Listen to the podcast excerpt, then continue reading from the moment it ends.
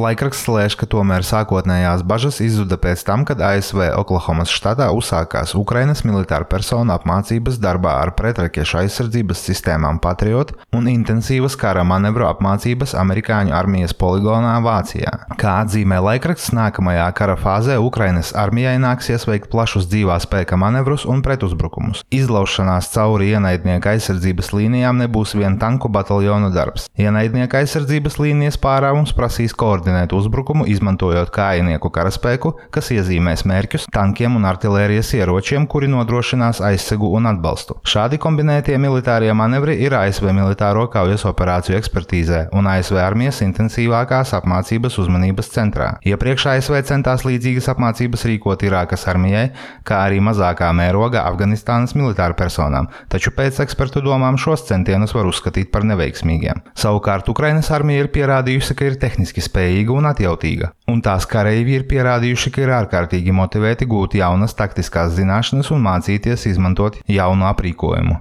Tikmēr Karaliskā apvienoto pakalpojumu institūta zinātniskais līdzstrādnieks Aleksandrs Daņļuks savā intervijā Radio NV teicis, ka Krievija februārī gatavojas sākt jaunu plaša mēroga ofensīvu Ukrainā. Daņļuks pieļāvis, ka plaša mēroga ofensīva varētu uzsākties jau jaunedēļ. Viņš norādīja, ka apmācības līmeņa ziņā uzbrukošās Krievijas armijas vienības būs vājākas par tām, kuras 2022. gada 24. februārī iebruka Ukrainā. Vienlaicīgi tām būs kvantitatīvā priekšrocība, kuras nebija pagājušajā gadā, uzsver Deņļuks.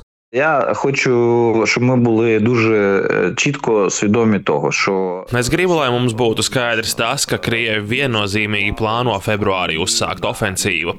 Varbūt jau nākošnedēļ tas sāksies. Ja neuzsāksies, tas nozīmēs, ka Krieviem ir plānošanas un izpildījuma problēmas.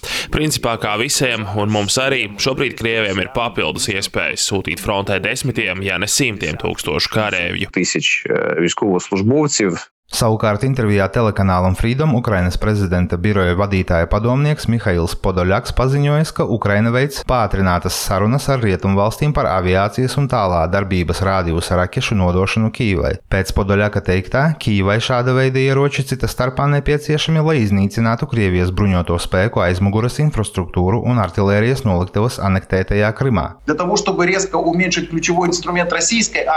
Lai mazinātu Krievijas armijas būtiskāko instrumentu, tātad to, ar ko viņi karo uz frontes līnijas, un tie galvenokārt ir artērijas ieroči, mums ir nepieciešamas raķetes, kuras iznīcinās viņu noliktavas.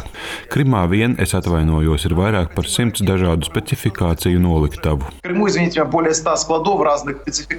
Viņš piebilda, ka partneri to visu saprot, bet nevar atmest daļu sava konservatīvisma, baidoties no izmaiņām pasaules arhitektūrā uz Ukrainas kara fona. Podaļaks uzsvēra, ka pie tā ir jāstrādā, jo īpaši jārāda īstas šī kara bildes, kā arī katru dienu skaidri jārunā par nepieciešamību nodrošināt jaunus rietumu ieročus. Rustams Šukūrovs, Latvijas Rādio.